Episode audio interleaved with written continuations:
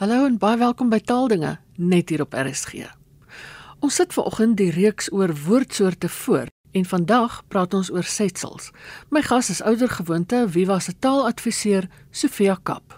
Sofia, ek sien julle verwys na die woordsoort in hierdie afdeling waarvan ons vandag praat as setsels. Maar ek vermoed die meeste luisteraars en ek en jy het op skool van voorsetsels geleer. Hoekom het julle hierdie ander term gekies? Uh laat ek net dadelik sê daar's daar's niks fout met 'n voorsetsel nie. Daar's niks fout met die term voorsetsel nie. Al wat ons gedoen het in hierdie grammatika en en hou dan in gedagte wat die oogmerk van die grammatika is en dit is die volledige beskrywing van Afrikaans. Uh en ja, Afrikaanse grammatika reëls en sy die manier waarop Afrikaanse grammatika werk. Is dit vir ons nodig om die terminologie te werk wat akademies akkuraat is om dit nou so te sê. Dit beteken nou nie dit is vreeslik hoogdrawend nie, dit beteken net in 'n groot gesprek oor grammatika wat ook ander tale uh, wat ook oor ander tale se grammatikas gaan ehm um, moet moet hierdie grammatika vir Afrikaans ook inpas. En 'n term soos setsel is 'n sambreelterm want 'n mens kry 'n ding soos 'n voorsetsel Uh maar dit is 'n setsel voor 'n kompliment en dit is dit is 'n ding soos met genoe. Ons neem met genoe kennis of in die huis. Die daar is 'n setsel met of in en dan is daar 'n ding wat ons noem 'n verpligte deel in die sin wat ons noem 'n kompliment na die setsel. En en as die setsel so voor daai kompliment staan, dan is dit 'n voorsetsel. Maar ons kry ook 'n agtersetsel. Die bekendste ene is is die setsel toe in 'n konstruksie soos huis toe.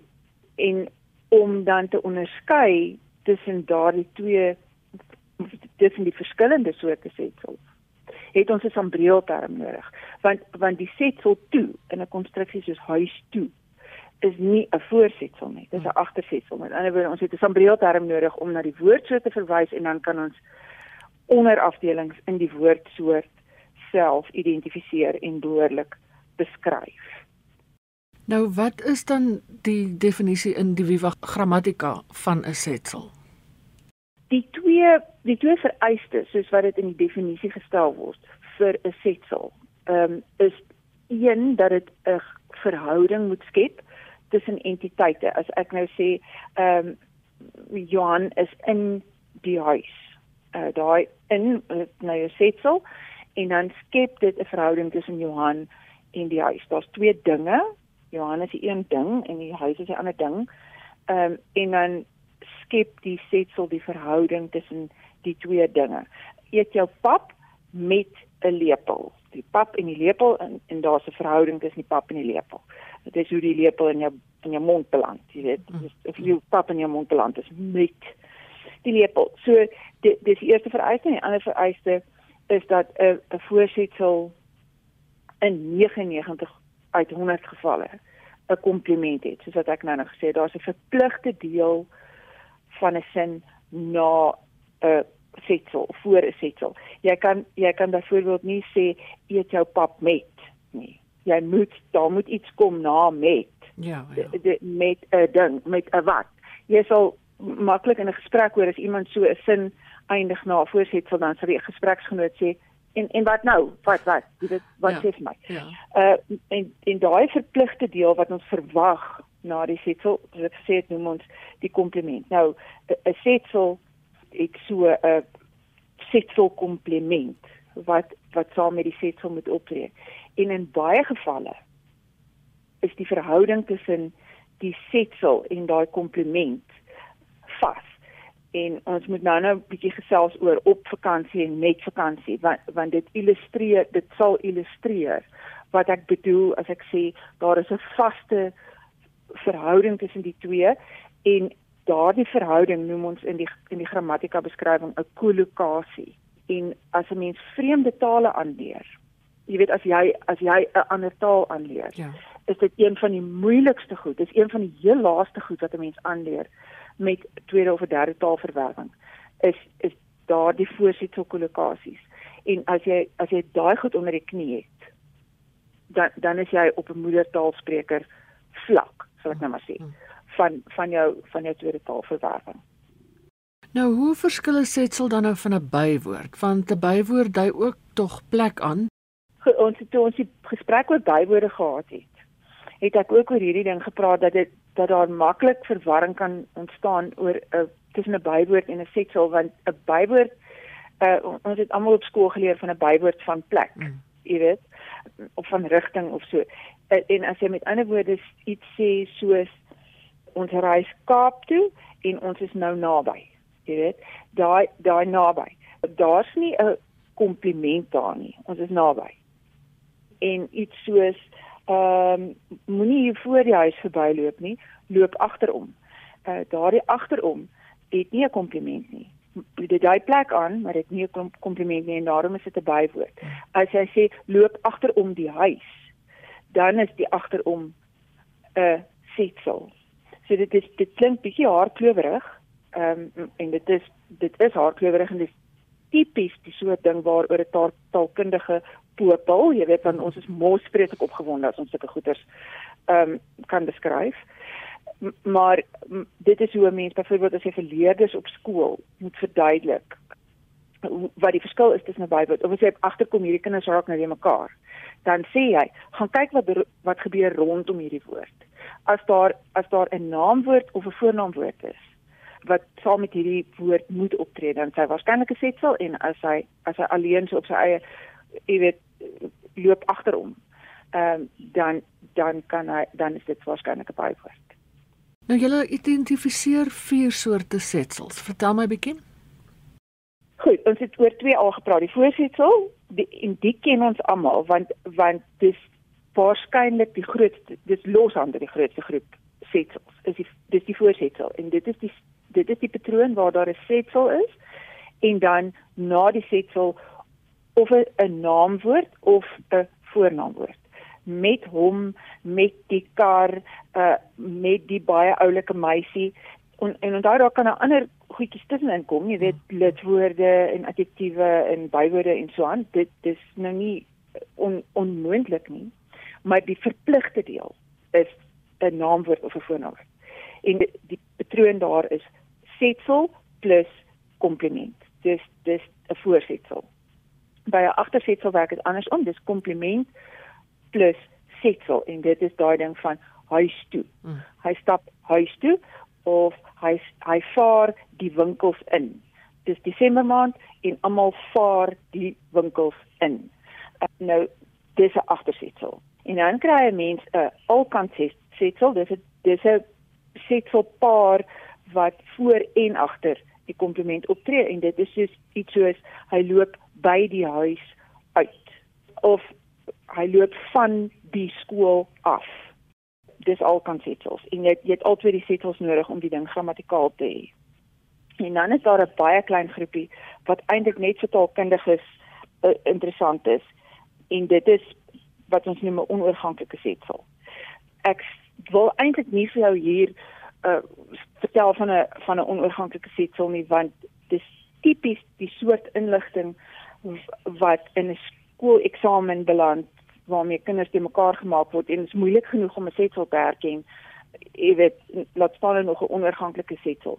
Maar daar's 'n paar konstruksies in Afrikaans waar 'n setsel optree sonder 'n komplement, sonder daai verpligte ding. Mm. En dit is waar jy 'n die waar mense die maklikste raak sien is as 'n mens 'n koppelwerkwoord het soos is en jy het 'n setsel daarna, iets soos die ligte is af of die punte is uit. Jy dan daai setsel staan daar soos op sy eie in Lalaland, jy weet, ja. na na die ehm um, na die koppelwerk wat en dan daai daardie setsels wat so optree op hulle eie is 'n onoorganklike setsel want dit gaan nie oor op 'n kompliment nie. Maar jy weet as jy as jy nou onderwyser is en jy luister nou na hierdie relaas uh, gaan kyk asseblief op ons webblad by taalonderrigportaal waar hierdie goed verduidelik word en as jy kyk na die voorbeeldmateriaal wat daar gegee word sal jy sien dis 'n handjie vol setsels wat wat so werk is dis 'n handjie vol konstruksies wat wat sulke ehm um, onoorganklike setsels oplewer. Moenie jy weet moet dit nie soos 'n vlag in 'n klaskamer waai nie. Ja. Waai liewer die voorsetsel vlag. Dis daar's baie werk wat ons met voorsetsels en agtersetsels kan doen ja. voordat ons by onoorganklike setsels hoef te kom. Nou dit klink vir my dis nogal 'n moeilike een om in 'n sin raak te sien. Ja, dis is wat ek gesê het. Jy weet dit is 'n dit is 'n baie baie spesifieke bouseltjie. Mm. Ehm mm. um, en en dit is ons identifiseer dit want dit is 'n ding. Ja. Jy weet on, ons kan nie as taalkundiges sê wel, jy weet dit is nou moeilik om hom te beskryf of ons wil eintlik nie hê kinders moet mekaar raak nie. So kom ons bly net maar stil oor hom nie. Ons kan nie dit doen nie. Ons moet die taal volledig beskryf. Ons moet die grammatika volledig beskryf en daar is sulke bousels. Dit is 'n erkende taalkundige struktuur en almal van ons weet jy kan so praat. Mm. Sit bietjie die ketel af. Ja, jy weet. Ja. Ehm ja. um, dit ons weet jy kan jy kan so praat. Maar dit dit is nie iets wat wat ek wil hê ehm um, jy weet uh, ek wil eintlik nooit hê dat enige taalkundige bousel of reël of grammatika struktuur of wat ook al 'n stok moet word waarmee leerders oor die kop geslaan word nie. Ja, die, ja. Wat ons wat ons doen met grammatika beskrywings is ons beskryf wat in Afrikaans gebeur want dit is interessant. Dis nie 'n ding wat in 'n eksamen 'n uitvangberade moet word nie. Mm. Nou, julle onderskei ook morfologies tussen die soorte setsels. Ja, die weer eens, jy weet dit is nie dis nou nie 'n ding wat 'n mens vir 'n kind vra wat het morfologies bousels kry. Al wat ons doen is ons kyk na setsels en dan sien ons goed morfologies is hulle simplex, dis jy weet woorde wat nou nie verder ontleed kan word nie. Dis setsels soos met en in en uit en so aan. En dan is daar komplekse setsels en dit is dit is setsels soos vooroor en agterom en so aan. Jy weet dit is dis waar jy daai daai twee stamme kan herken. En dan is daar 'n groepie setsels wat ons wat ons noem 'n uh, multiwoord setsels. En daardie multiwoord setsels is is 'n woordgroepie. Uh, soos in terme van met behulp van met betrekking tot in terme van dis dis sulke woordgroepies wat ehm um, saam. Die woorde saam. Ja, ja. tree op as 'n setsel. Die jy weet die die maatreëls in gevolge van die nuwe wetgewing. Ja, dus, ja. Dit is presies dieselfde uh dit voldoen aan die vereistes wat in die definisie gestel word dat dit skep 'n verhouding en dit dit het 'n verpligte komplement. Uh maar dit is 'n groepie woorde mm. wat wat dan as as 'n as 'n setsel optree. Nou hierdie multiwoordsetsels wat jy nou uitgewys het soos in plaas van of met met betrekking tot of so. Is dit dan nie eintlik ook in wese setsels met komplimente nie? Want in 'n konstruksie soos met betrekking tot is met 'n voorsetsel, betrekking is 'n naamwoord en tot is weer 'n setsel wat voor 'n ander naamwoord optree met betrekking tot die maatreëls. Hoe weet mens nou of dit 'n multiwoordsetsel is? Dis dis presies korrek wat jy nou gesê het dis dis 100% reg maar met sulke multiwoord konstruksies ons het dieselfde soort ding um, by by eie naamwoorde partykeer is 'n is 'n eie naamwoord 'n woord jy weet dit is soos Ina jou naam hm. of hy saamgestel soos sê net maar Ina Marie uh dit dis maar dit's nog een naam, dis nog een naam, maar dit is uit twee name saamgestel en dan het 'n mens multiwoord eiename wat, wat soos die Republiek van Suid-Afrika. Die hele ding is die naam. Ja. En in daardie in daardie multiwoord konstruksie kan 'n mens dan sê die is 'n lidwoord, Republiek is eintlik soortnaamwoord van is 'n is 'n voorsetsel, Suid-Afrika is dan jy weet 'n eie naam en 'n mens kan in die multiwoord konstruksie onderling die verskillende woordsoorte nog herken, maar as 'n mens gaan kyk hoe daai ding in die sin optree, uh dan sien jy al daai goed saam word dan tree dan op soos 'n enkele woord. Hy daardie daardie groep woorde kry woordsoort status. Dit dit begin optree soos 'n woord. En my toets daarvoor. Ek weet nie hoe wetenskaplik dit is nie, maar as 'n mens so 'n multiwoord konstruksie het of nou eie naamwoord is en of dit nou 'n 'n settle is, is ek gaan haal daai hele konstruksie uit, soos met betrekking tot. En ek sit 'n ander voorsitseltjie daarin. En ek gaan en ek gaan kyk of dit jy weet of dit werk. Ja. As jy as jy met ander woorde iets sê soos uh die bepalinge met betrekking tot die ooreenkoms en ek verander dit en ek sê die bepalinge van die ooreenkoms. Ja. As dit werk, dan weet ek daai klompie woorde so saam is 'n multiwoord konstruksie.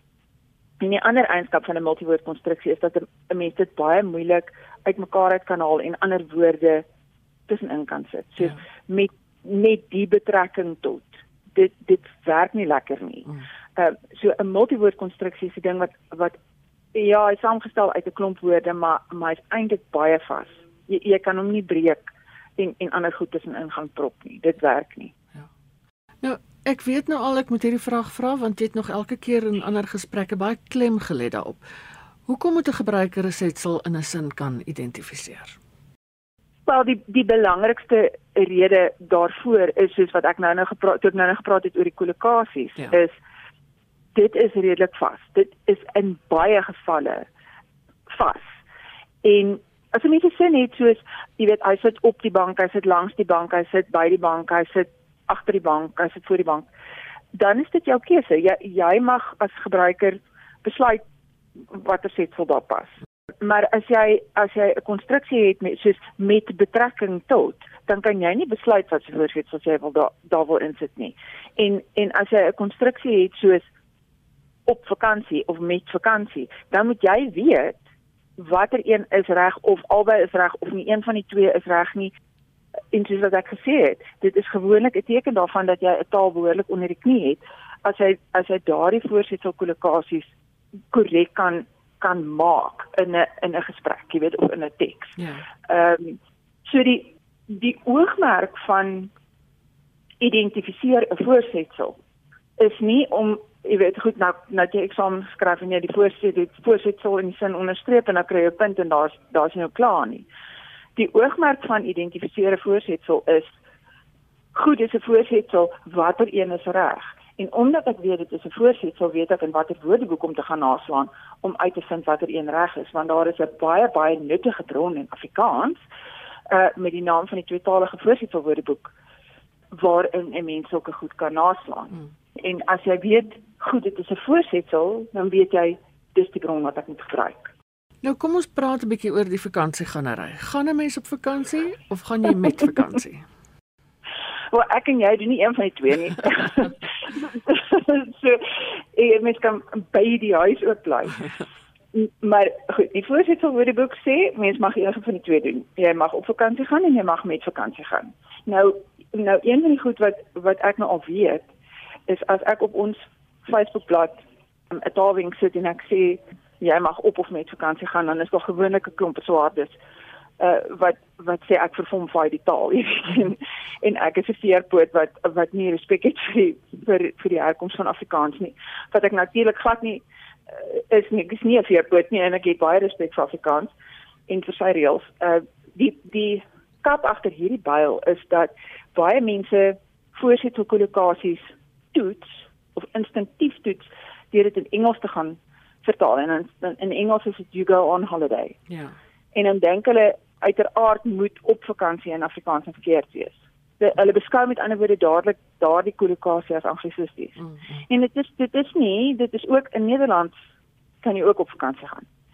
Met ander woorde, dit, dit is nie noodwendige ding wat ons uit Engels uit gekry het nie. Dit dit is ook so in Nederland. En dit is weer eens waar die voorsitsel uh, vir die boek vir jou te hulp snel want dit dit stel dit baie duidelik dat jy op of met vakansie mag gaan en jy mag op of met verlof gaan.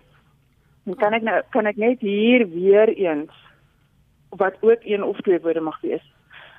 Sê ek kry 'n bietjie die indruk dat daar dat daar 'n stel reëls is of voorskrifte wat wat op skool vir kinders geleer word.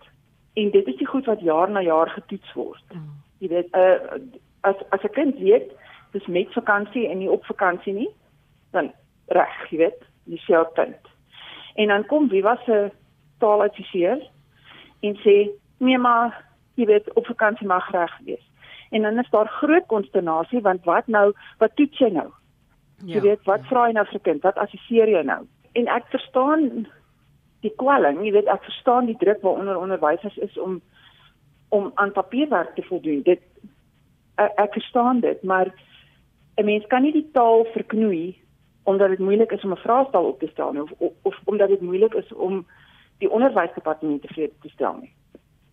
Die 'n mens kan nie taalreëls verander om om 'n eksamen te pas nie.